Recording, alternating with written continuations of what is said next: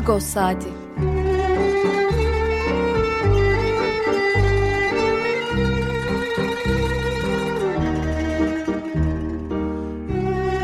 Haftalık Agos gazetesinin penceresinden Türkiye ve dünya gündemi. Agos'un mutfağından haberler, söyleşiler, olaylar.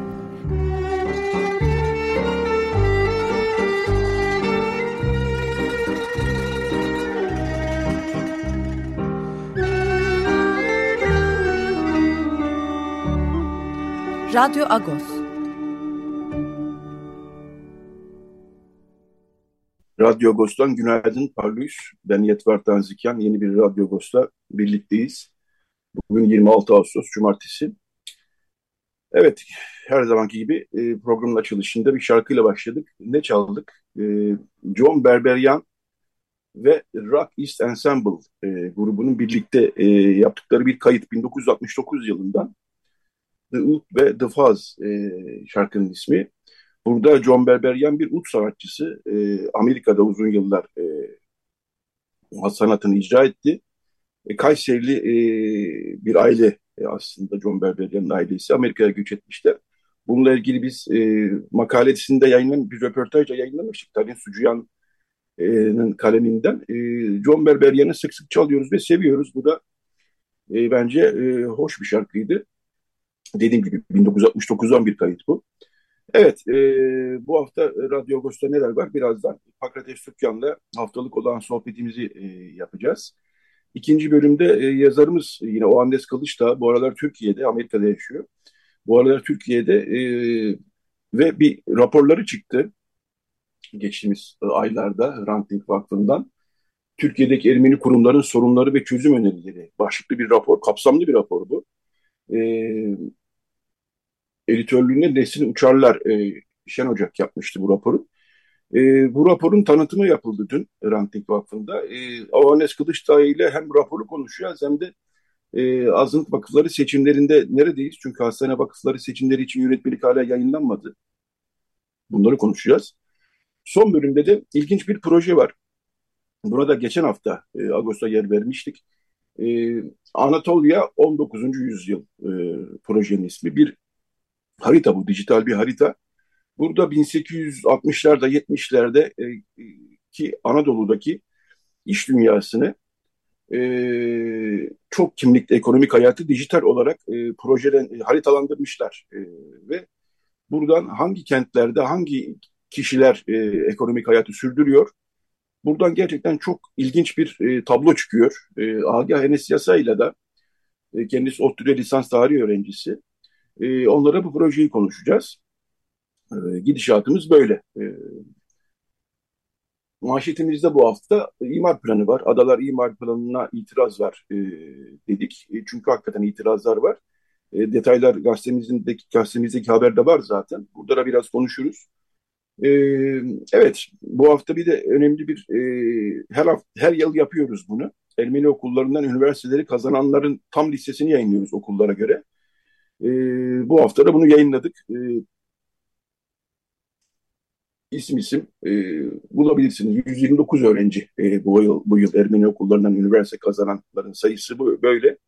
Geçen yılda 129 öğrenci kazanmıştı. E, burada da e, dediğim gibi kim hangi bölümü kazanmış, burslu, burslu olmayan gibisinden bütün detayları da bulabileceğiniz tam sayfalık bir liste. Evet Pakrat abi günaydın parlıyız. Günaydın Yatak, günaydın Parduş. E, Fakret abi e, bu hafta adaları öne çıkardık e, imar planı konusunu. E, detaylar da var. Oradaki asıl e, sıkıntı kıyıların tabii plan dışında bırakılması. Uzmanlar ve adalar halkı kıyılara başka bir şey yapılacak öyle gözüküyor. E, ağırlıklı itiraz noktası bu. Başka itiraz noktaları da var. Yani yapılaşmanın önünü açacağı düşünülüyor. Bundan e, tereddüt ediliyor, endişe ediliyor. E, ve e, yapılaşmanın yanı sıra e, işte turizm merkezlerinin açılması, mesela Burgaz'da öyle bir düşünce var, öyle anlıyoruz. E, bu itirazların e, detayları dediğim gibi e, bu haftaki haberimizde var. Ama bir taraftan da Karabağ meselesi sürüyor. E, oradaki insani kriz sürüyor daha doğrusu. Geçen hafta Birleşmiş Milletler Güvenlik Konseyi'nde e, Ermenistan'ın çağrısıyla acil bir oturum yapıldı onun da detayları gazetede var zaten. orada işte Amerika Birleşik Devletleri, Rusya, Fransa birçok ülke Laçin koridorunun açılması gerektiğini söylediler. dile getirdiler. Fakat oradan bir nihai karar çıkmadı. Şimdi Ermenistan oradan bir nihai karar çıkması için uğraşıyor. Amerikalı bazı senatörler de e, Güvenlik Konseyi'ndeki Amerikan temsilcisiyle temasa geçtiler. E, öyle okuyoruz basından. E, oradan bir nihai karar çıkması için çalışın e, diyor e, bazı senatörler. E, bir taraftan bu var. Bir taraftan da dediğimiz gibi e, şey sürüyor. E, abluka sürüyor Azerbaycan'da ablukası. Dün AGİT, Avrupa Güvenlik İşbirliği Teşkilatı'nın temsilcisi e, koridorun Ermenistan tarafında e, bir incelemeler yaptı ve bir rapor hazırlayacağını söyledi. Durum böyle. Bir taraftan dediğim gibi orada işte ekmek bulamıyorlar, su bulamıyorlar, ilaç bulamıyorlar. iş yok. Ee, sıkıntı devam ediyor özetle. Ne dersin Akbarik? Evet, o sıkıntı e, çok ciddi boyutlara ulaştı ve bu e, Birleşmiş Milletler Güvenlik Konseyi toplantısı da tam da öngörülebildiği gibi hiçbir e, ileri adım atamayacak şekilde e, dağıldı. Tavsiyeler, dileklerle sınırlı bir toplantı oldu bu toplantıda. Bunun da sebepleri gayet sarih, gayet açık.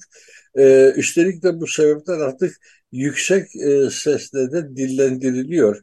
E, oraya katılan ülkelerden çoğunun Azerbaycan'la enerji anlaşmaları var, hesapları var, beklentileri var e, Rusya'dan alınan enerji e, şimdi bu Ukrayna Savaşı'ndan ötürü sekteye uğruyor. Rusya'ya ambargo yapılmaya çalışılıyor. Ambargo uygulanmaya çalışılıyor. Bu durumda hiç kimse Azerbaycan'la belli bir noktadan daha ötede e, test düşmek istemiyor. Karşıt duruma gelmek istemiyor. E, ve meselenin insani tarafı kolayca bu hesaplara feda ediliyor diyebiliriz. E, o anlamda oradaki kriz halen devam ediyor. E, bu hafta biz Ermenice sayfalarda da bununla ilgili e, Tahran'da yapılan bir e, toplantıyı haberleştirdik. Tahran'da bununla ilgili bir görüşmeler yapıldı. Ee, İran şu anda Ermenistan'a en yakın duran, Ermenistan'ı en çok destekleyen ülke konumuna geldi. Ee, İran'ın yeni bir büyükelçisi de var Yerevan'da.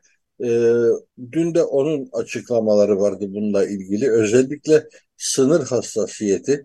Hani Türkiye ve Azerbaycan'ın sürekli gündemde tutmaya çalıştıkları Zangezur koridoruna karşı e, İran sınırının değişemeyeceği e, saptaması önemli bir yer tutuyor.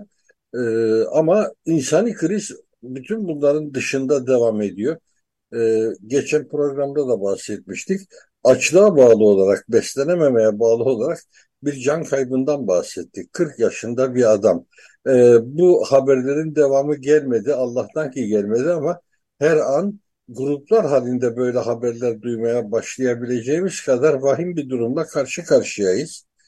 Ee, bu arada bu konuyla ilgili olarak Ayşe Hür'ün e, gazetemizde bu hafta dördüncü bölümü yayınlandı. Önümüzdeki hafta son bölümü yayınlanacak artık. Beşinci bölümde de bitecek. Bin yıllık bir tarihçeyi e, gözler önüne seren bir makale oldu bu. Çok anlamlı bir makale.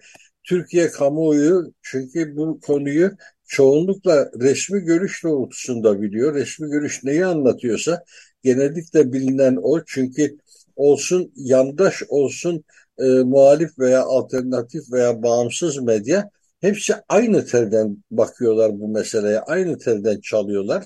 E, o yüzden de Ayşe Hür'ün yazısının şu sıra çok anlamlı olduğunu düşünüyorum. Onu da bir altını çizmek istedim. Bu hafta dördüncüsünü yayınladık. Haftaya beşinci her hafta tam sayfalık bir e, yazı halinde e, bin yılın tarihçesinden başladı. Aslında hangi bin yıl? Yazının başlangıcı milattan önce 500'lere falan tanıklıklarla gidiyordu. Homeros'un anlatılarından başlayarak e, özellikle de son 2-3 haftadır, 2 haftadır e, güncel tarihe geldik. Yani 1980'lerden bugüne sarkan mevzulara geldik. E, arada Hocalı katliamı e, mevzusunun irdelenmesi çok anlamlıydı. Çünkü onu da tek bir kanaldan, tek bir frekanstan e, dinliyoruz. Oysa o iş halen birçok karanlık e, hususlar barındırıyor kendi içerisinde. E, Azerbaycan'daki siyasi çalkantıların o katliamda rolünün ne olduğu meselesi yeterince tartışılmamış. Ayşe bütün bunları da farklı kaynaklardan e, değerlendirmelerden örnekler getirerek gündeme taşıdı. Hem Thomas de Waal'dan hem Hopsep Hayreni'den hem e, Hranuş e, Haradyan'dan farklı akademisyenlerden bu konularda değerlendirmeler e, getirerek tartışmaya açtı. Öyle ki bunun özellikle altını çizmek istedim. Ee, Fakret abi bu hafta Ermenice sayfalarda e, Nile Norer Daduryan'ın e, ilginç bir yazısı var. Yedi Haçların hikayesi Ermenistan turu sürüyor Norer Daduryan'ın değil mi? Ee, bu hafta bitti artık. Bu hafta bir sonuncusuydu yani. Evet çünkü zaten bu haftaki yazı da e, Ermenistan'da gidemedikleri yere yazdı. Ha, evet. Zaman darlığı içerisinde burayı ziyaret edememişler. Ama programlarında olduğu için, planlarında olduğu için e, bunu da anlattı. Gıyaben yazılmış bir yazı bu. Ama ilginç bir hikayesi var yazdığı yerin yani programda e, var gidememişler ama Yedi Aşkların hikayesinden sen de biraz bahset istiyorsan. Biraz çünkü ben de okurken çok ilginç buldum bilmiyordum yani. Evet evet. E, Lenk Timur saldırıları esnasında bu saldırılara direnip şehit düşen yedi köyün e, reisinin hikayesi bu. Yedi Yara e, Manastırı diye anılıyor. Onların hatırasına inşa edilen bir manastırdan bahsediyor. Yotuverk e, ve her biri içinde birer kaçkar dikilmiş.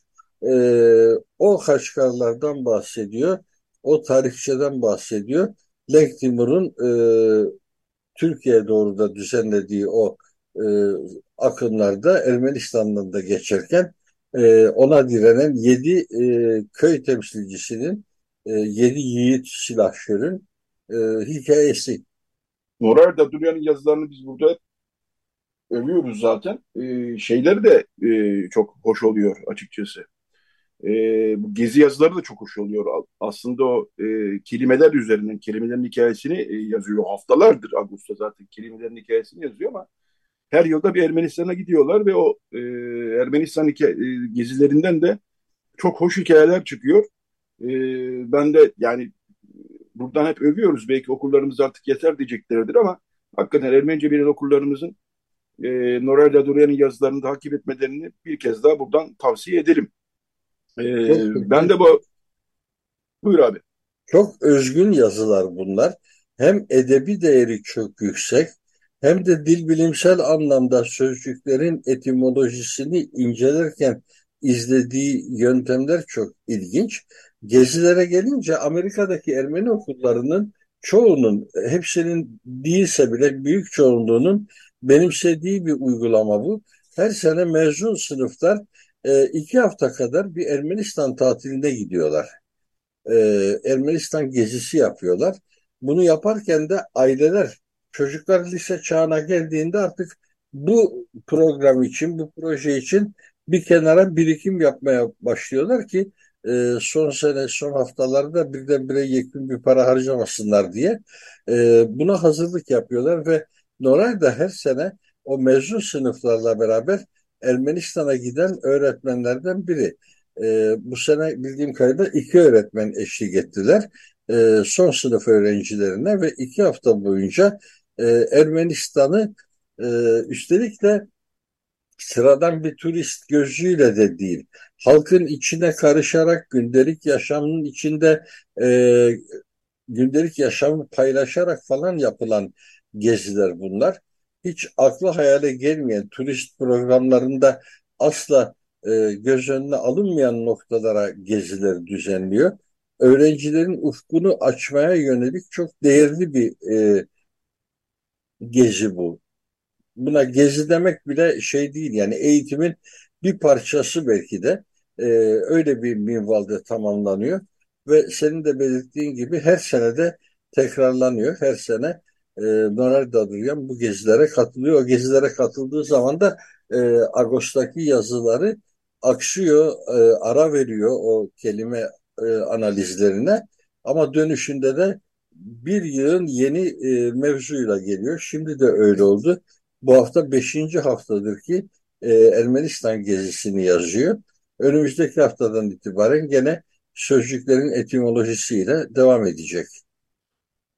Evet, e, bir iki cümlede de bu hafta başka neler var Ağustos'ta e, onu aktarayım. E, Harbiye Topuzcan Basroğlu'nun e, Mekanlar ve Hikayeleri e, serisine 2-3 hafta ara vermiştik. Bu hafta kaldığımız yerden e, devam ediyoruz. Kaldığımız yerden yani yepyeni bir e, yapıyla Gezeryan Köşkü Erenköy'de. E, Gezeryan ailesi çok ilginç bir aile. Ve e, bu köşkü aslında bir Osmanlı Paşası'ndan e, satın almışlar. E, Osmanlı Paşası ikinci meşrutiyetle birlikte gözden düşmüş bir paşa. E, ve burada üç, iki tane köşk varmış o zaman haremlik ve selamlık. Tam ortasına da Gezeren ailesi bir e, yeni bir köşk daha yaptırmış. E, ve o 1940'lara kadar aşağı yukarı orada çok ilginç, güzel zamanlar geçirmişler, davetler vermişler. E, fakat varlık vergisiyle bu köşkü satmak zorunda kalmışlar. E, o bu köşkün e, hikayesini e, anlatıyor e, Harriye Topuzcan Basoğlu fotoğraflarla birlikte. Bunu da tavsiye ed ediyoruz her zaman zaten Harriye Topuzcan Basoğlu'nun yazıları. Bunlar internette yok. Bunları gazete almanız lazım veya e, abone olmanız lazım. Onu da söyleyelim. E, bir de Laura Baytar Çapar'ın yazısından bahsetmek isterim. E, Laura Baytar Çapar da artık bizim köy, yeni köşe yazarımız. 2-3 aydır yazıyor gerçi aşağı yukarı e, ağırlıklı olarak da Musa Dağ'dan e, sık orada yaşıyorlardı zaten deprem olduğunda biraz bir dönem İstanbul'a geldiler. Okullar açılınca tekrar gelecekler. E, bu sefer de e, Can Abrahamyan'ın e, çocuklarının e, ziyaretini yazdı. Çünkü Can Abrahamyan bir Musa Dağlı. Amerika'da e, yurt dışında yaşıyordu. Fakat e, köklerini akrabalarının çok uzun yıllar sonra bulup tekrar Musa Dağ'a dönmüştü. Laura o zaman da bunu yazmıştı. E, Cenab-ı Ramiyan e, geçtiğimiz haftalarda hayatını kaybetti ve onun çocukları e, onun anısına tekrar Musa Dağı geldiler. Birlikte çıktılar da e, Laura Baytar Çapar'la birlikte. E, Laura Baytar'ın yazısı da bu hafta e, bu gezi üzerine, bu anma üzerine e, onu da tavsiye ediyoruz e, diyelim. E, evet Fakret abi bu haftada e, seninle sohbet bölümünün sonuna geldik. Radyo Agos tabii devam edecek. İkinci birinde o Annes Kılıçdağ olacak.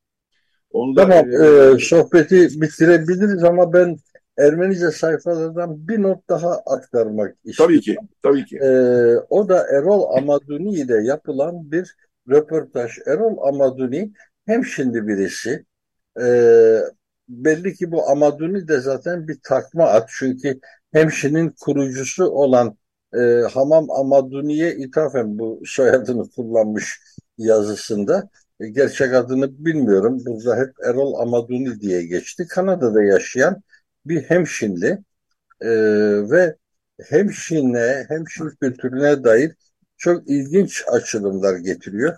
E, bu açılımları Türkiye'de getirenler e, büyük sıkıntılar yaşıyorlar. Yani e, hemşin halkının, hemşin kültürünün, hemşincenin Ermeni halkıyla, Ermeni tarihiyle, Ermeni diliyle bağlantısı konusunda konuşanlar ağır ithamlara, ağır tehditlere falan maruz kalıyorlar. E, Kanada'da olunca bütün bunlar tabii ki biraz daha rahat oluyor. O da e, bütün araştırmalarını, gözlemlerini, teşviklerini e, bu röportajda rahatça dile getirmiş. Aslında çok anlamlı bir röportaj olmuş. Ondan da e, özellikle bahsetmek istedim. İyi yaptın Akbarik. E, bu Ermeni sayfalara ne var ne yok konuşmamız e, iyi oluyor. Instagram yayınlara da yazın ara vermiştik. Artık yavaş yavaş başlayalım değil mi Fakat Akbarik? Evet, evet, evet. Evet. İlginç oluyordu, hoş oluyordu. Evet. evet. kesintiye uğradı. Tekrar e, yazın çünkü e, şey oluyor, e, seyahatler oluyor, şunlar oluyor, bunlar oluyor. E, ama e, Instagram yayınlarımız başlayacak tekrar. Yani buradan dinleyicilerimize, okurlarımıza söyleyelim. Evet, teşekkürler Fakat Akbarik. Bu hafta olan sohbetimizi e, yapmış olduk. Evet. E, şimdi Maxim Panosyan'dan bir şarkı dinleyeceğiz. Maxim Panosyan bilhassa 70'lerde e, 80'lerde e, hem e, Lübnan'ı Lübnanlı bir şarkıcı hem Lübnan hem de Amerika'yı e, sallamış bir şarkıcı. E, Adi Sarmancıyan'la birlikte anılır hatta o. E, onun e, pop müzik diyelim biz buna daha çok. E, pop müzik diyebileceğimiz ama çok hakikaten güzel bir sesiyle e, büyük sükse yaratmış bir şarkıcı.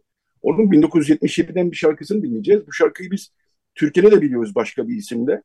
Sanıyorum orijinali bu diye düşünüyorum. Burada kesin hükümler vermek biraz zor ama Türkiye'den bildiğimiz şarkı çünkü sonra ortaya çıkmıştı. Evet, Ara Vay Vay şarkı. Şarkı dinleyince anlayacaksınız zaten neden bahsettiğimi. Maxim Panasyon'dan Ara Vay Vay'ı dinliyoruz. Daha sonra bir reklam arası, daha sonra Radyo Agos devam edecek. Radyo Agos. Radyo Agos devam ediyor. Ne dinledik? Jack Baksaryan. Çok güzel sesinden, müthiş sesinden. Şarmak Ahçık şarkısını dinledik. Bu da 1970'lerden bir kayıt. Jack Baksaryan da e, müzik icrasını Amerika'da sürdürdü. 1970'lerde bilhassa e, iyi bilinen bir şarkıcıydı Jack Baksaryan. Onun güzel sesinden dinledik. Evet, e, şimdi bu bölümde e, bir Agos yazarımız daha var. Bu hafta böyle oldu. Her hafta zaten Pakrates Dükkan'da biz haftanın olağan sohbetini yapıyoruz açılışta. Yarım saat kadar. Bu hafta e, Oannes Kılıçdağ konumuz çok da iyi oldu. Oannes Kılıçdağ çalışmalarını Amerika'da sürdürüyor. E, yazın hem tatil hem de başka şeyler için İstanbul'a geldi. İstanbul'a gelmişken onu da e, yakaladık. Bir de ayrı bir anlamı daha var. E, o Annes Kılıçdaroğlu'nu çıkarmamızın bu hafta. Dün e, akşam saatlerinde, akşamüstü Ranting Vakfı'nda bir raporun tanıtımı yapıldı. E, program açılışında da bahsetmiştim. Dar Gömlek, e, Türkiye'de Ermeni kurumlarının sorunları ve çözüm önerileri başlıklı bir rapor hazırlandı Ranting Vakfı'ndan. 2-3 ay kadar önce yayınlandı bu rapor. E, Nesin Uçarlar Şen Ocak'ta birlikte Oannes Kılıçdağı hazırladılar. Oannes Kılıçdağı e, büyük oranda e, ve Nesin Ocak Şen Hocalar bunu koordine ettiler. E, dünkü e, sunumda da ikisi vardı zaten. Şimdi o Annes Kılıçdaroğlu'nu tek başına almamızın sebebi e, hem bu raporu konuşuyoruz hem de e, yazıp duruyoruz haftalardır. Hastane vakıfları seçimleri için yönetmelik yayınlanmadı. Vakıf seçimlerinde nereye geldik bunu da konuşacağız ayrıca Annes Kılıçdaroğlu ile. Günaydın Annes, Parlus. Günaydın Parlus Akbarik. Ee, geç oldu ama hoş geldin Türkiye'ye. Epeydir buradasın. Hoş bulduk, hoş bulduk. ee, şimdi raporla başlayalım. Ee, hı hı. Bu raporun hazırlanma aşamasını da biliyorum. Sen Amerika'dan, e, Nesin Türkiye'den çok uğraştınız. Ee, evet. Nesin sık sık Agos'a indi, şu nedir, bu nedir, bunun haberi var mı, bunu nereden bulabiliriz, arşivde gibi sorular sordu. Biz de elimizden geldiği kadar e, yardım etmeye çalıştık. Aslında bir e, iğneyle kuyu kazmak gibi bir şey yapılan bir taraftan. Çünkü bir şey söylüyorsun, onun haberi nerede, belgesi nerede, açıklaması nerede, evet. raporu nerede gibi bunların evet. hepsini bulup koymak gerekiyor. E, Nesin de çok uğraştı bu iş için, sen de çok uğraştın biliyorum. Toplantılar yaptınız e, sık sık. Evet. Şimdi dar gömlek dediğiniz rapora e, onun anlamını soracağım. Bir de Ermeni kurumlarının hı hı. E, sorunları ve çözüm önerileri deniyor. E, rapor da öyle zaten ama aslında bu şunu söyleyeyim, bütün azınlık toplumları için geçerli şeyler bunlar. Yani bunu e, yani Ermeniye'nin azınlık deyip okuyabilirsiniz aslında. Yani okuyucular için söylüyorum. Bu e, bu arada kitap olarak da basıldı. Türkçe ve İngilizce. PDF olarak da Ranting Kork'un e, sayfasında da var. Yani PDF olarak da okuyabilirsiniz. E, kitap olarak da e, Türkçesi ve İngilizcesini Ranting Vakfı'ndan temin edebilirsiniz. Bunu da baştan söyleyelim, unutmayalım röportaj içerisinde. E, o annesi neden bahsediyor bu rapor abi? Küt diye gireyim ben. Abi aslında hani raporun başlığı, alt başlığı en azından raporun neden bahsettiğini en açık biçimde e, belirtiyor. Yani Türkiye'de Ermeni kurumlarının sorunları ve çözüm önerileri hakikaten de e, Ermeni kurumları derken e, kabaca üç kategoriden bahsediyoruz. Vakıflar, okullar ve patrikhane. E, aslında okullar vakıfların idareten, idari olarak daha doğrusu vakıfların altında çalışıyor. Ama hem e, e, özelliklerinden dolayı e, ve hayatiyetlerinden dolayı okullar ayrı bir e, başlık altında ele alındı. E, hani dar gömlek nereden geliyor, niye dar gömlek dedik diye soracak olursanız, e, bu kurumların tabii raporda anlattığımız gibi birçok farklı sorunu var. Ama bu sorunların birçoğunun temelinde yatan bu kurumlara hukuki anlamda e, kendilerine uymayan bir statü verilmiş olması. Ya da e, patrikhane örneğinde hiçbir statü verilmemiş olması. Dolayısıyla dar gömlek derken özellikle vakıflar ve okullara gönderme yaparak e, bu kurumların onlara verilen yasal statüleriyle fiiliyattaki kimlikleri ve faaliyetleri birbiriyle uyuşmuyor. İşte başka bir deyişle bu hukuki statüleri e, onlara dar geliyor. Ee, ve onları sıkıştırıyor ve bundan da e, bundan da birçok sorun ortaya çıkıyor. Bu raporda da e, bu sorunları e, anlatmaya çalıştık ve ve olası çözüm önerilerini. Süre olarak e, nasıl bir kesit aldınız? Çünkü Ermeni kurumlarının sorunları dediğiniz zaman yani taz, tanzimata kadar gidilir Tabii. aslında ama yani o kadar da geri gidilmedi e, değil Yok, mi? Yok hayır. Yani. Biz şu anda bugün bugün e, hali hazırda e, hala e, varlığını sürdüren sorunları ele aldık ve bunların tabii Cumhuriyet tarihi boyunca e, tarihsel arka planını belli ölçüde vermeye çalıştık. Örneğin işte vakıfların mülkiyet sorunu gibi e, sorunları e, ele aldık ve bunların da işte Cumhuriyetten bu yana nasıl şekillen, şekillendiğini aktarmaya çalıştık. Tabii dediğin gibi bu e, sorunlar yeni olmamak bir yana Cumhuriyet tarihinden de Cumhuriyet'ten de öteye geçiyor. Ama e, biz sadece bir arka plan olarak çok özet biçimde e, Cumhuriyet'ten önceki zamana atıfta bulunduk ama esas olarak Cumhuriyet tarihi boyunca bu sorunlar nasıl ortaya çıktı, nasıl değişti veya değişmedi, nasıl aynı kaldı onları anlatmaya çalıştık. Şimdi bunların bir kısmını biz zaten biliyor ve hala yaşıyoruz. Ee, evet, evet, evet. Mesela Patrikhane'nin e, İstanbul Ermeni Patrikliğinin tüzel bir kişiliği yok mesela. Bu e, evet. sorunlar yaratıyor işin gerçeği. E, Patrikhane bunun yüzden ne mülk edinebiliyor ne e, banka hesabı bile doğru düz olamıyor neredeyse. Yani var ama çok şeydi yani yani e, geçici çözümlerle bunlar yapılıyor.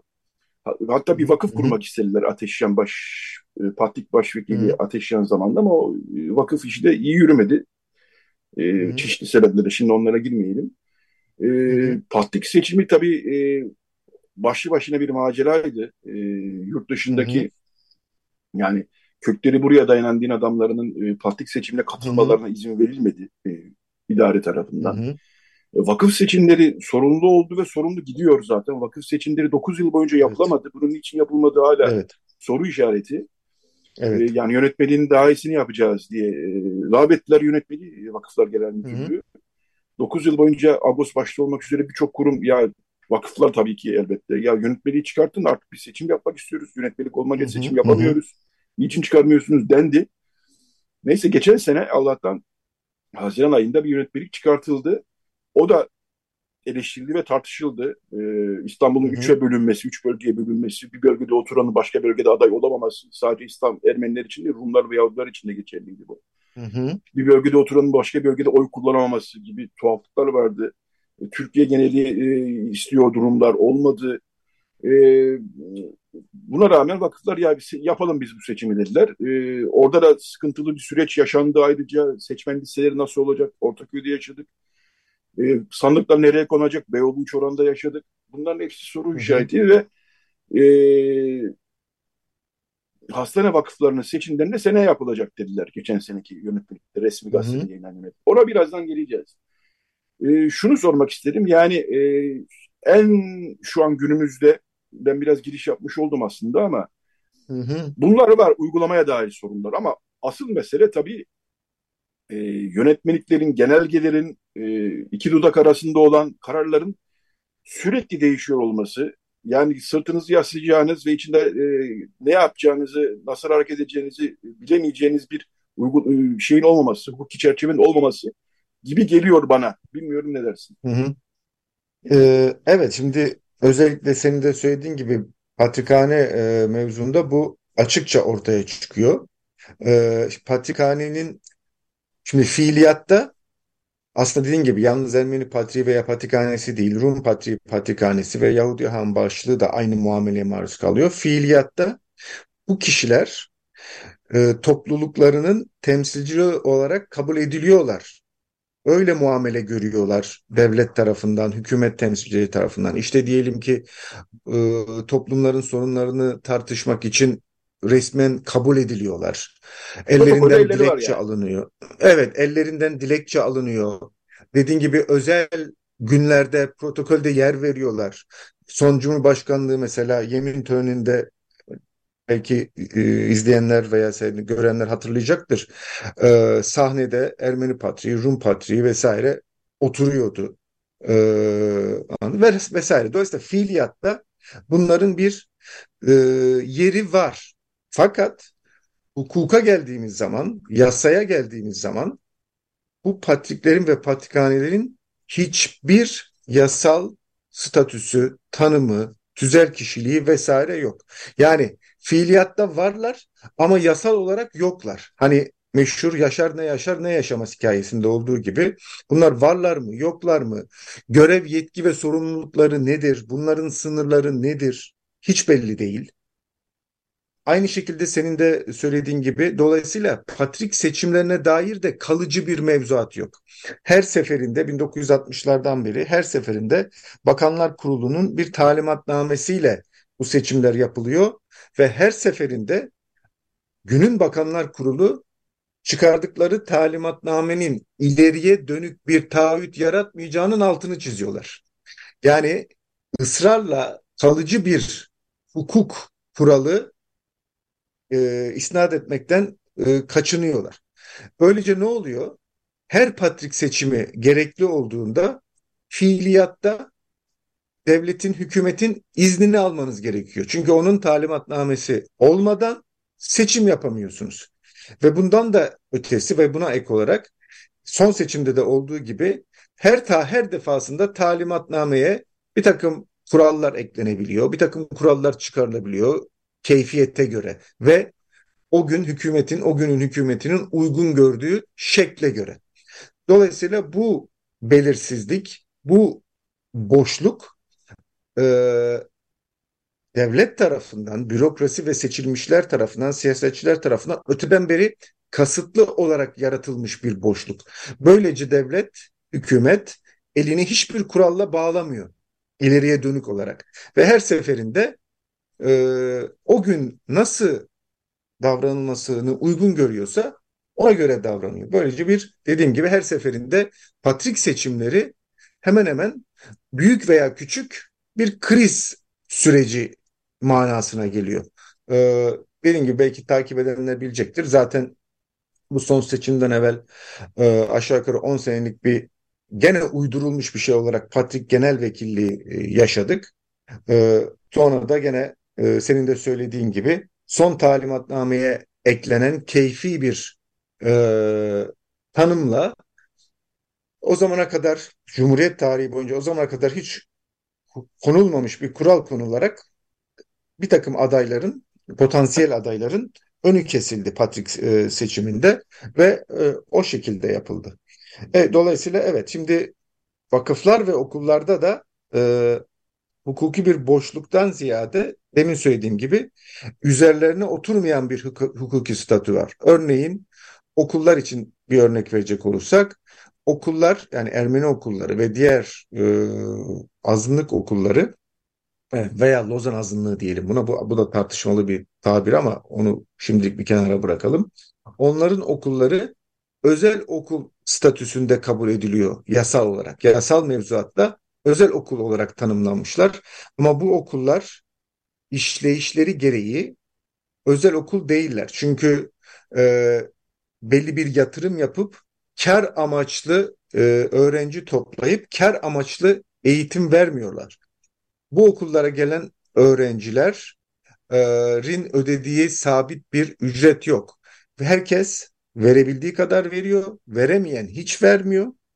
Ee, bir de üstüne üstlük okul yönetimi bu veremeyen öğrencilerin yani maddi durumu yeterli olmayan öğrencilerin yemek, servis gibi e, masraflarını da karşılıyor. Dolayısıyla yasal olarak özel okul olarak özel okul olarak tanımlanmış bu okullar aslında kamusal hizmet veriyorlar. Bir devlet okulu gibi çalışıyorlar. Ama yasada özel okul olarak tanımlandıkları için özel okullardan talep edilen vergilerle, özel okullardan talep edilen harçlarla veya özel okullardan talep edilen fiziki bina şartlarıyla sorumlu kılınıyorlar ve bu devlet bunları talep ediyor bu, e, bu okullardan. Veya şöyle söyleyelim, kimi zaman göz yumuyor.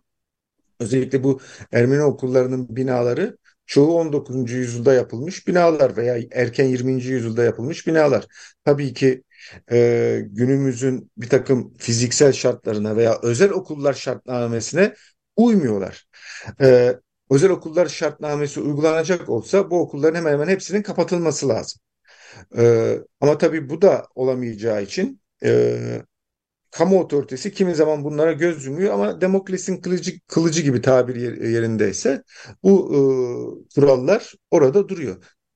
Velhasıl çok uzatmazsak eğer e, şunu söyleyebiliriz. Dediğim gibi evet hukuki boşluk ve e, hukuki çelişki, statüdeki çelişkiler birçok sorunun temelinde yatan ana neden olarak söyleyebiliriz.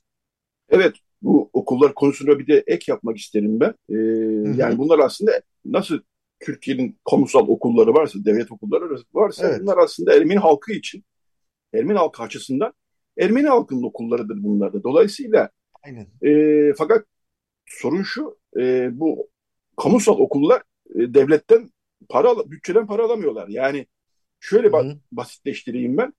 Ben e, bütün vatandaşlar vergi ödüyorlar ve bu verginin karşılığı olarak yani gönderirsiniz göndermezsiniz. O ayrı çocuklarını devlet okuluna gönderebiliyorlar. Ermeni vatandaşlar da vergi veriyorlar ama verginin karşılığı olarak o e, okullara kamusal bir kaynak, bütçeden bir kaynak gelmiyor. Bu bence en büyük çarpıklıklardan bir tanesi. Evet. E, vakıflar Hı-hı. konusuna şöyle girelim. E, çünkü son 10 dakika aşağı yukarı e, programımızda. Hı-hı. Şimdi geçen sene vakıflar seçimi, e, vakıf seçimleri yapıldı. Sadece Ermeniler değil, Rumlar ve Yahudiler de yaptılar. Yahudi toplumları da yaptılar Hı-hı. seçimleri ve sıkıntılı bir süreç oldu aslında bakarsanız. Çünkü e, birçok yerde mesela e, Büyükada Rum Yetimhanesi Vakfı tam bir muamma e, açıkçası. Nereye gideceği belli değil. E, orada sorun var. Karışık bir konu olduğu için şimdi girmiyorum ona. E, çünkü yönetmelik e, biraz karışıktı. Tam iyi düzenlenmemişti ve talepler karşılanmamıştı bu yönetmelikte. E, ve o, dediğim gibi o yönetmelikleri hastane vakıfları seçimleri 2023 sonuna kadar yapılacak dendi. Şimdi iki ay kadar önce aşağı yukarı e, bu hastane vakıfları yani neyi kastediyoruz? Yelikole Supırgiç Ermeni Hastanesi, Surp Agop Elmadağ Ermeni Hastanesi, hı hı. Hastanesi ve Balat Orahayim Yahudi Hastanesi. Şimdi bu hastanelerin seçimleri nasıl yapılacağına dair bir taslak elimize geçti Haziran ayında. E, kurumlara dağıtılmış bu taslak. Kurumlar da kendi fikirlerini söylemişler azınlık kurumları. Peki demişler biz bunu yukarı e, Ankara'ya gönderiyoruz demişler ve Haziran'dan beri bu taslak gelmedi artık Eylül ayı yaklaşacak neredeyse ve 2023 yılı sonuna kadar yapılması. Gerekiyor bu seçimleri. Şimdi e, Ermeni toplumundan olmayan bazı e, kişilerden de 2024'de kaldı e, bu iş. Merak etmeyin. Türlü laflar kulağımıza geliyor. Ne kadar doğru ne kadar yanlış bilmiyoruz. E, dolayısıyla hastane seçimleri bu yıl olacak mı olmayacak mı ortada. Soru işareti. Hı hı. Bu da baştan beri konuştuğumuz mesele. Yani bütün bu belirsizlikler içerisinde devlet ve hükümet aslında azınlıkları idare etmeyi çalışıyor. Ya öyle yapıyor. Yani bunun adını koymak lazım. Sürekli bir belirsiz ortam bırakalım. Her şey bize baksın. Her konu bize baksın. Biz ne diyorsak Hı-hı. öyle olsun gibisinden. Hı hı. E, fakat şimdi bu sefer de hastane vakıfları seçiminde mesela kendi dediklerini de artık e, takip etmez hale geldiler. Çünkü 2023 yılına kadar seçim yapılacağı resmi gazetede çıktı. E, madem eder yönetmenin artık çıkması lazım. Çıkmayacaksa da çıkmayacak deyin o zaman mesela gibi bir durum var. Hı hı. Ee, hı hı. Bir taraftan bazı hastanelerin de seçim olmamasının işlerine geldiğini düşünebiliriz bir taraftan. O da var. Bunları hesaba katmak lazım. Ee, ne dersin bu vakıflar seçimleri, hastane seçimleri şöyle 7-8 dakikada toparlamak lazım bu konuyu. Hı hı. Ya şimdi bizim e, devletin bu azınlıklarla ilgili uygulamaları, e, yasal e, çalışmaları vesaire konusunda hep söylediğimiz bir şey var.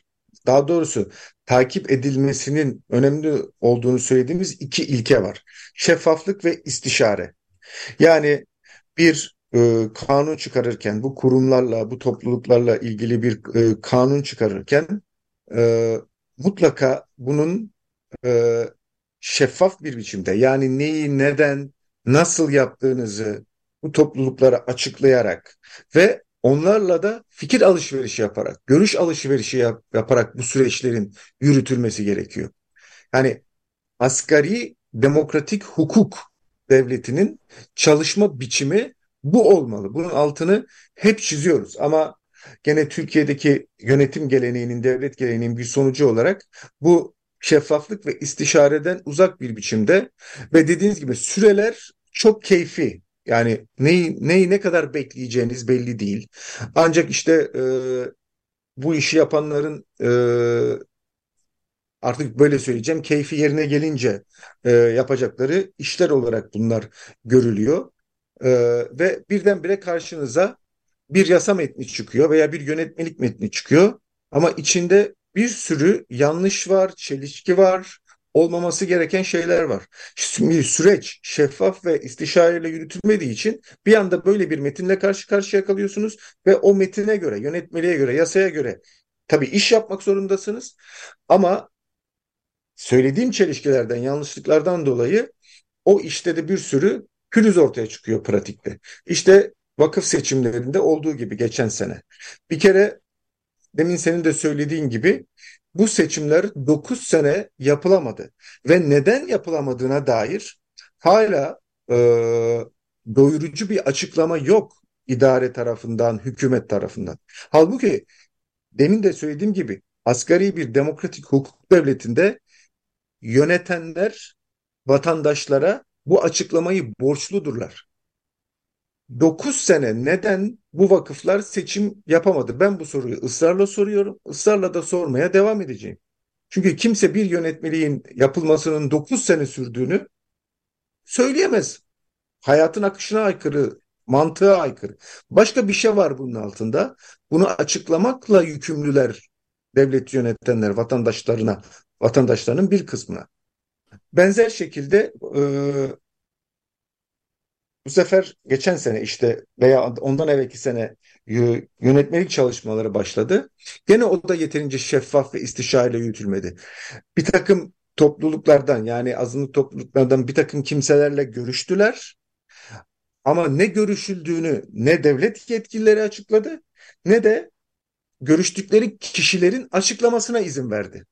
Ya bunlar aramızda kalsın dendiği söylendi vesaire. Yani büyük bir sır perdesi altında çok önemli hani devlet sırrı gibi bu işler yürütüldü. Yönetmelik çalışması vesaire. Nitekim sonunda da öyle bir seçim yönetmeliği çıktı ki e, hani 2013'te daha iyisini yapacağız dedikleri kurallardan daha geriye giden kurallar. Demokratik e, yönetim ve insan hakları anlamında, insan, özgürlükler anlamında daha da geriye giden bir e, yönetmelik çıktı fiiliyatta VGM Vakıflar Genel Müdürlüğü'nün vesayetini arttıran bir seçim yönetmeliği çıktı.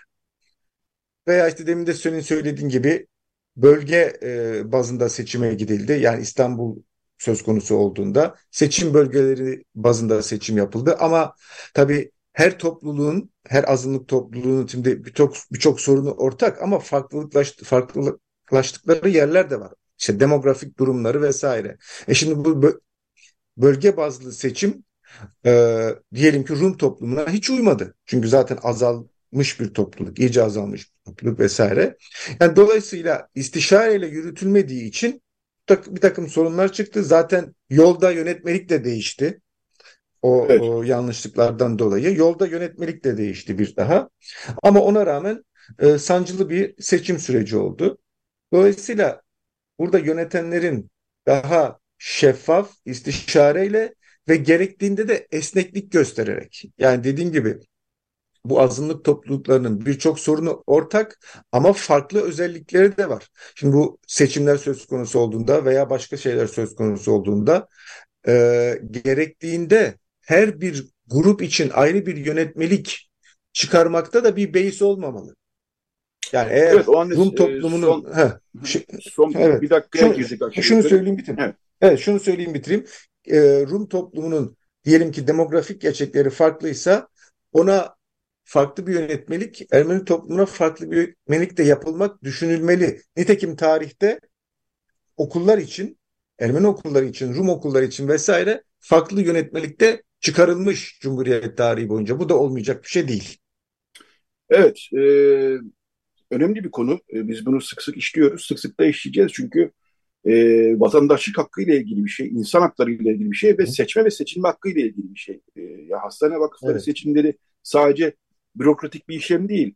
Yani benim seçme hakkımla ve belki aday olacaksak seçilme hakkımızla ilgili bir şey. Bunun böyle belirsizlik içerisinde bırakılması her her böyle seçim konusunda milli iradeye çok fazla önem veren bir hükümet, önem verdiğini söyleyen e, öyle diyelim bir hükümet zamanında yapılması daha da bu işi e, tuhaflaştırıyor. E, dolayısıyla hastane vakıfları seçim yönetmeliğinde e, bir an önce yayınlanması e, e, bekliyoruz diyelim. E, şunlarla bitireyim. E, programın başında söylemiştik gerçi ama tekrar edelim. E, Türk e, Dar Gömlek, e, Türkiye'de Ermeni kurumlarının sorunları ve çözüm önerileri başlıklı rapor Ranting Vakfı'ndan çıktı. E, o Annes Kılıçdağ, Nesih Uçarlar Şen Ocak birlikte e, hazırladılar bu raporu. E, PDF olarak e, Ranting.org sitesinde var ama kitapçık olarak da Türkçe ve İngilizce basıldı. Bunları da e, aktaralım ve çok ilginç e, bölümler, detaylar e, var. Bunu da söylemiş oldum. Çok teşekkürler o Annes yayına katıldığın için. Sana da böyle teşekkür ederim. Çok çok sağ yapmış olduk. Amerika'da olunca Hı-hı. saatler uymuyor çünkü Türkiye'de olunca böyle evet e, uydurduk mutluluk, güzel oldu. Böyle bir mutluluk oldu. E, tekrar teşekkürler o Annes kolay gelsin. Teşekkürler sana da abi. E, teşekkürler. Evet bu bölümü şarkısız kapatıyoruz. E, şimdi bir reklam arası. Ondan reklamdan sonra Radyo Ghost devam edecek. Agah Enes Yasa, lisans tarih öğrencisi. Çok ilginç bir proje gerçekleştiriyor arkadaşlarıyla Anatolia 19. yüzyıl. E, evet e, onu konuşacağız. Şimdi bir reklam arası. Reklamdan sonra beraber olacağız. Radyo Agos. Evet, Radyo Agos devam ediyor. Ee, konuğumuzla gündemimiz yoğun. Ee, dolayısıyla bu şarkıyı bir kez daha çalacağız önümüzdeki haftalarda. Ne dinledik? Nayruhi Alaverdiyan, e, Ermenistan Radyosu'nun arşivinin kayıtlarından bir şarkıydı bu. E, Sofagana, yani o bir bülbüldür e, şarkının ismi. Nayruhi Alaverdiyan'ın müthiş bir sesi var gerçekten. Ama dediğim gibi bu şarkıyı tekrar çalacağız. E, konumuzu çok fazla bekletmek istemedik çünkü e, süremiz de biraz kısıtlı aslında bu hafta. E, Agah Enes Yasel, lisans tarih öğrencisi ODTÜ'de çok ilginç bir proje yaptılar. E, Anatolia 19. yüzyıl, e, aslında İngilizce projenin ismi. Anatolia 19th Century. E, 1860'lar, 70'ler, 80'lerde Anadolu'da, bütün bir Anadolu'daki ekonomik faaliyeti aslında dijital olarak haritalandırdılar. Dolayısıyla siz o haritaya baktığınız zaman e, bir yere kente tıkladığınız zaman orada hangi tüccarlar varmış? Bu tabii o çok kimlikli ekonomik yapıyı çok net biçimde gözler önüne seriyor. Ben Agah Bey'i çok daha fazla bekletmeyeyim. Günaydın Agah Bey.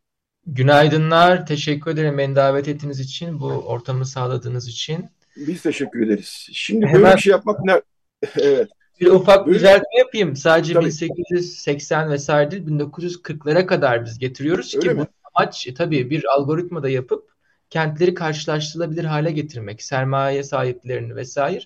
Hı. Ve tabii ki tüccarlar değil sadece berberden kasaba, müzik öğretmenine kadar çok geniş yelpazede bir meslek erbabını ele alıyoruz. Yani sosyoekonomik ve sosyokültürel hayatı insanların içine dahil olduğu, bundan 120 yıl evvel bu coğrafyadaki insanların ben Müslümanından Ermenisine, Rumuna, Yahudisine kadar e, bir tür e, kültürel miras ve kütük, soy kütüğü çıkarma işi diyelim. Hı hı.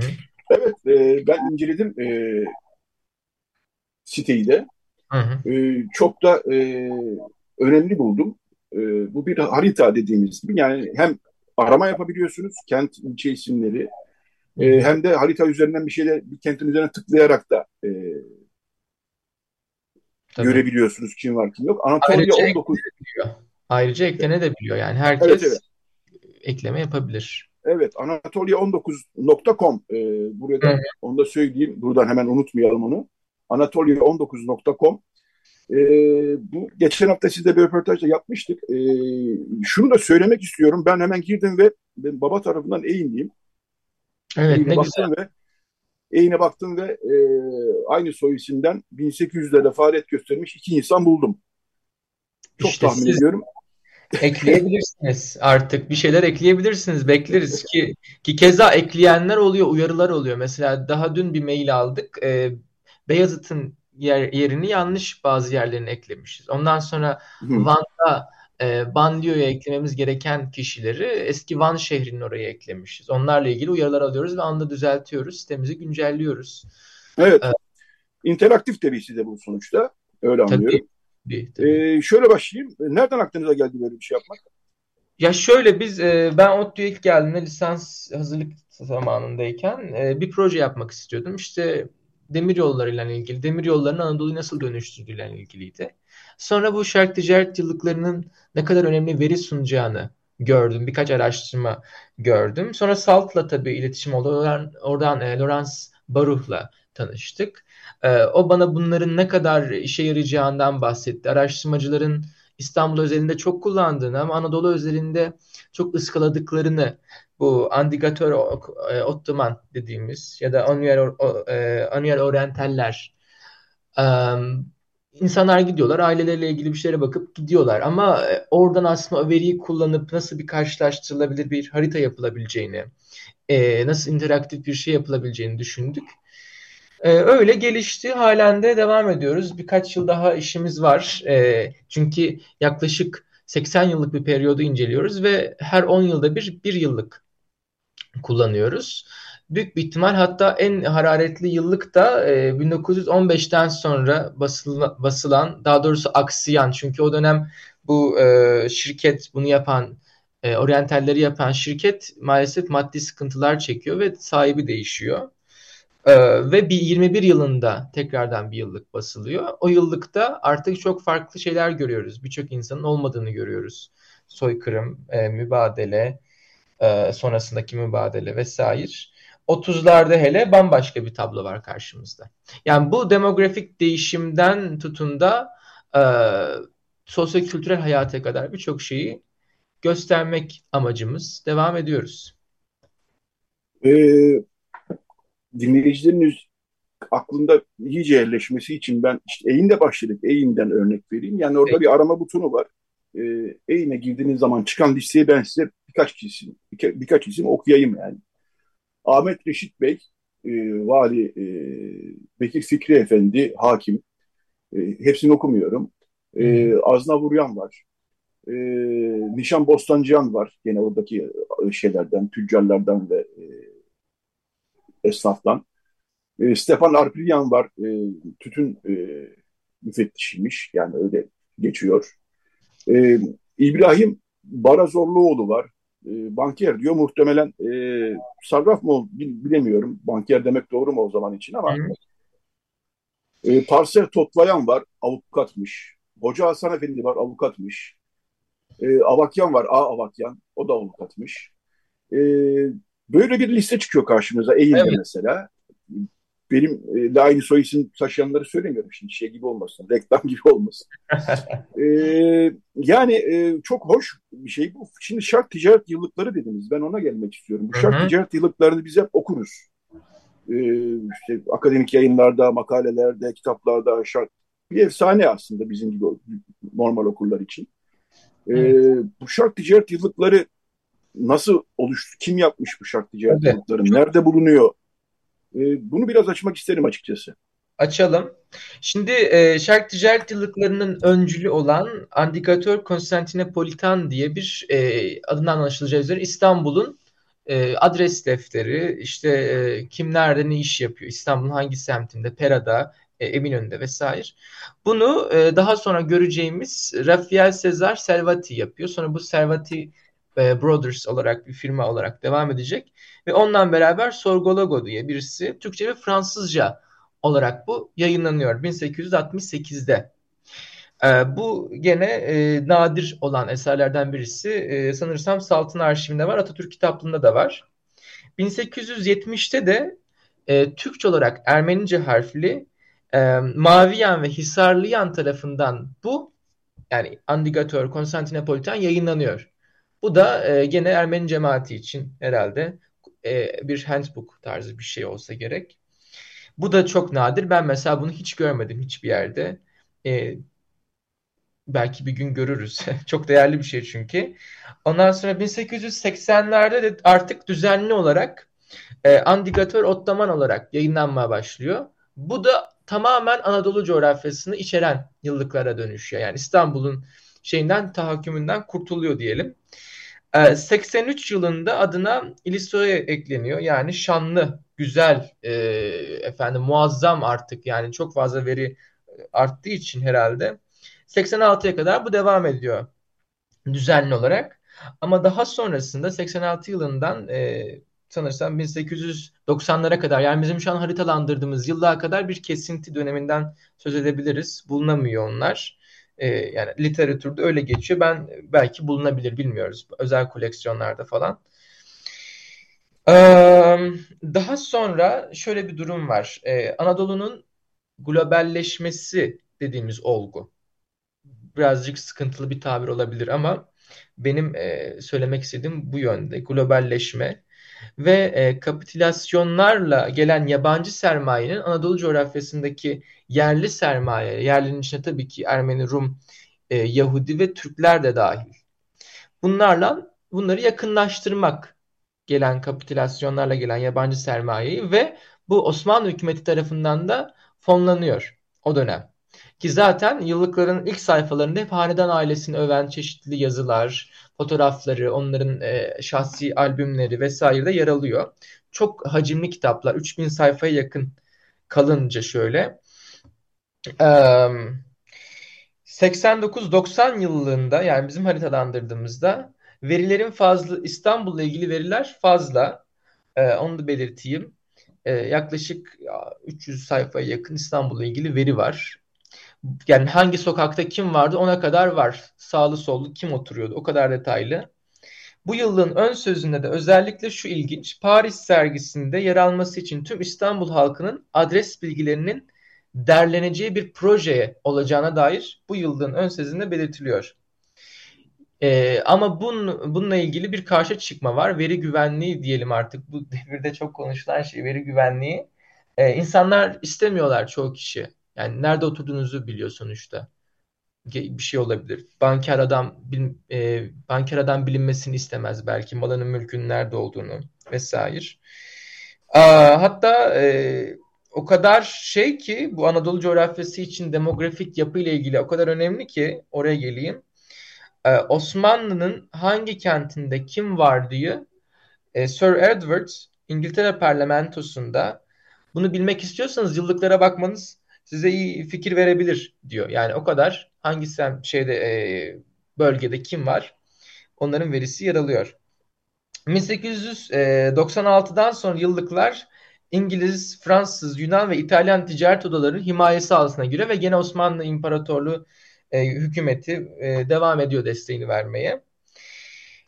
E, Birinci Dünya Savaşı sırasında az önce de belirttiğim gibi bir e, sıkıntı dönemine giriyor. Çünkü bu reporterlar yani e, oldukları bölgeden veriyi gönderenler işte şurada şu berber vardır, burada bir berber e, avukat vardır vesaire gönderenlerin çoğu artık yok. Çoğu Ermeni. E, ciddi sıkıntılar çekiliyor. Matbaa malzemesi bulunamıyor.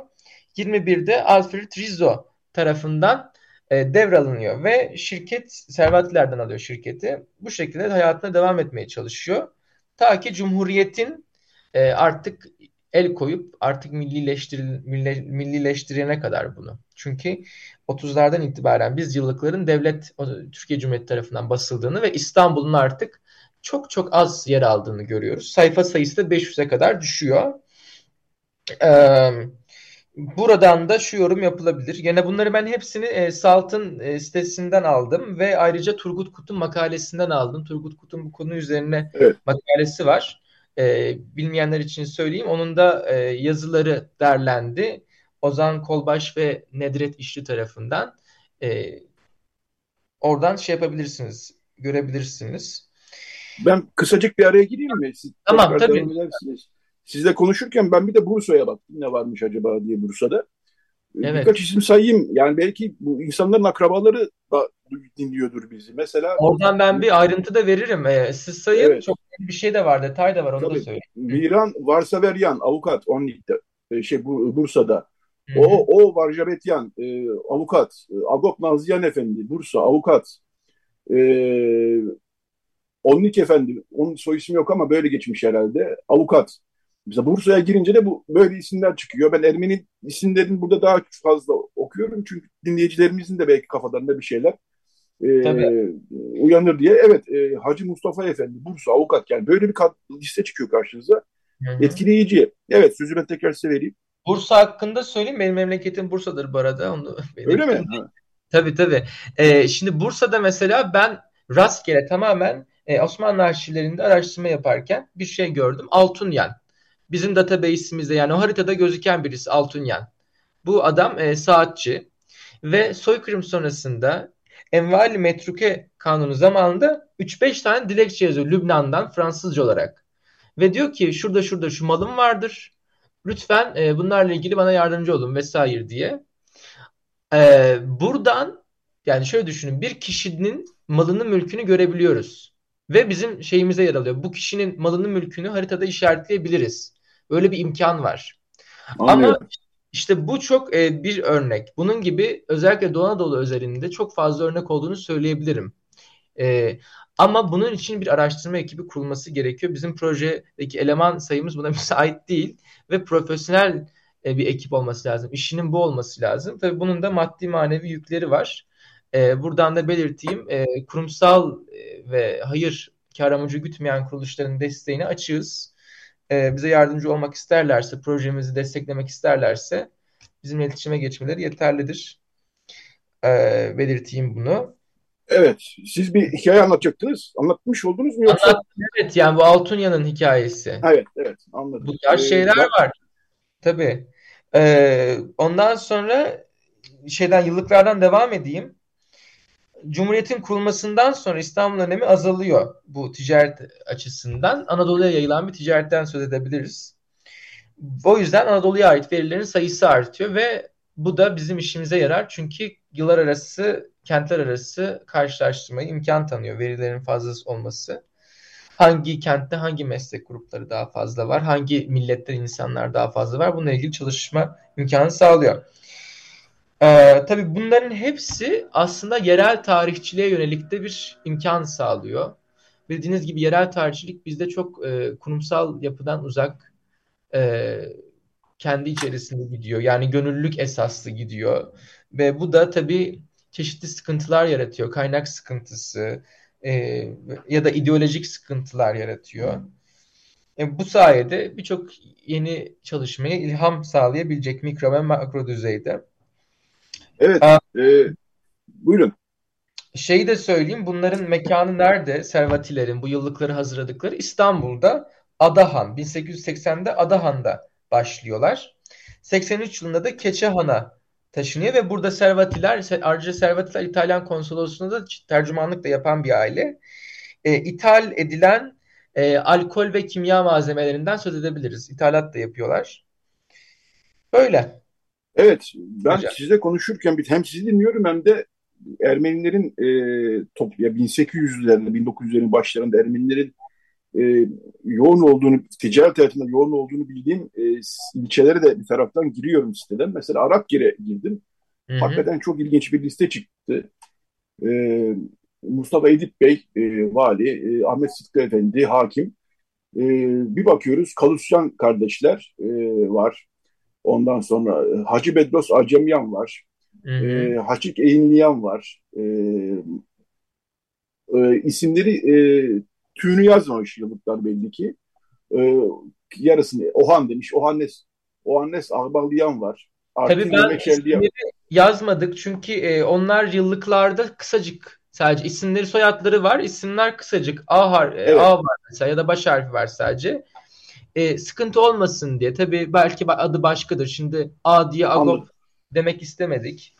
Ne yazıyorsa o yani gibi. Aynen. Vesikada neyse öyle yaptık. Çıkarım evet. yapıyoruz. Artin Nemeçelliyan, ne, Neme Şehirliyan var. O da berbermiş e, ondan Hı-hı. sonra. E, Kirkor Kasparyan var. E, ondan, e, yazıcıyanları söylemiştim. E, Bedros muhtemelen kazancıyan var. Exchange dediği muhtemelen e, tüccar mı demek istiyor? Yok şey e, para dönüş ya şey bors e, pardon siz söyleyin. Exchange Office Türkçesi Anladım. değil. Evet. Para Bu, işinde yani. Döviz yani. döviz bürosu. Döviz bürosu diyebiliriz. Aynen. Evet. Bedros kazancıyan var. Agop e, etmekçiyan var. Böyle bir e, liste çıkıyor. Kalusyan kardeşleri söylemiştim. Her ilçeden böyle bir liste çıkıyor. Bu tabii bize e, 1890'larda e, bilhassa 1880'ler yani 1915 sonrası ayrı bir hikaye çünkü ama e, 1915'e kadar diyelim ki ne kadar e, ya bütün hikaye bu biz bunu konuşmaya çalışıyoruz program başından beri. Son bir iki dakikaya girdik aslında. E, Anadolu'da ne kadar e, çeşitli ve çok kimlik bir ticari hayatın olduğunu hem bir haritayla hem de bir arama e, motoruyla görüyoruz. Bu açıdan çok önemli bir çalışma. E, belki kaçıranlar olmuştur. Anatolia19.com sitenin ismi. E, dolayısıyla bu ilerleyecek değil mi bu site? Tabii ki ilerleyecek. E, 89'la sınırlı kalmayıp 1904 var sırada. 1904 yılı da gene çok e, nasıl söyleyelim lüks bir yıllık. Yani epey veri var. E, kağıdı çok kaliteli, kapağı, tasarımı. Yani bayağı ilerletmişler işi Servatiler.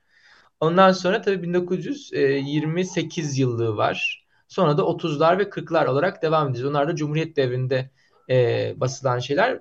Ve şöyle bir ayrıntı da belirteyim. Cumhuriyet devrinde basılanlar Türkçe olarak basılıyor. Sadece birkaç tane İngilizce yılının basıldığını görüyoruz. E, o şekilde e, Arap evet. ile ilgili de Arap Gir biliyorsunuz çok büyük bir e, o dönem için kent. Önemli bir kent Ermeniler için. Ticari hayatın döndü. Eyn'le beraber. O yüzden orada o kadar veri olması çok normal. E, diğer yerlere göre de bayağı bir şeydi zaten renkli bir hayat oldu belli oluyor. Kim bilir o aileler çoğu Amerika'dadır, şu an Fransa'dadır. E, o ailelerin şahsi arşivleri varsa, paylaşmak isterlerse bize o kişiler kendi ataları hakkında bilgileri biz seve seve haritamızda yer, aldır, yer almak isteriz, yer vermek isteriz. Ee, ee, bu öyle. proje bu proje ODTÜ e, SALT Hafıza Merkezi'nin ismini görüyorum destekleyenler arasında. Vekam tabii Vekam var. Vekam, Vekam var. Vekam'ı belki bilmeyenler olabilir. Yani diğerleri daha bilinen kurumlar ama hı hı. E, evet böyle bir dört kurumun e, bir araya geldiği evet. kullanıcıların da giriş yapabildiği bir entry izliyoruz çünkü burada. Sonra son giriş Dimitri Meziki. E, yani gerçekten e, çok önemli buldum bu projeyi. E, o yüzden e, bunu yenilendikçe konuşalım Agah Bey. Konuşalım tabii. Hatta evet. şöyle bir ayrıntı vereyim. Biz ayrıca seyahat deneyimlerini de haritalandırmaya e, çalışıyoruz. Onunla ilgili de çok nadir günlükler, şahsi yazışmalar, ta 19. yüzyılda yapılmış tren yolculuğu, efendime söyleyeyim vapur yolculuğu, e, bu sırada yazılmış mektuplar, kartpostalların arkasındaki yazılar, efemere malzemeler. Bunlardan e, semantik analizle biz bunları renklendirme metoduyla haritalandırıyoruz. Yani o kişi çevreyi nasıl tasvir etmiş? Güzel tasvir etmişse yeşil, kötü tasvir etmişse kırmızı. Bu da mesela e, o bölgeyle ilgili yeni bilgiler sunan bir çalışma. Projemizin ikinci kısmı.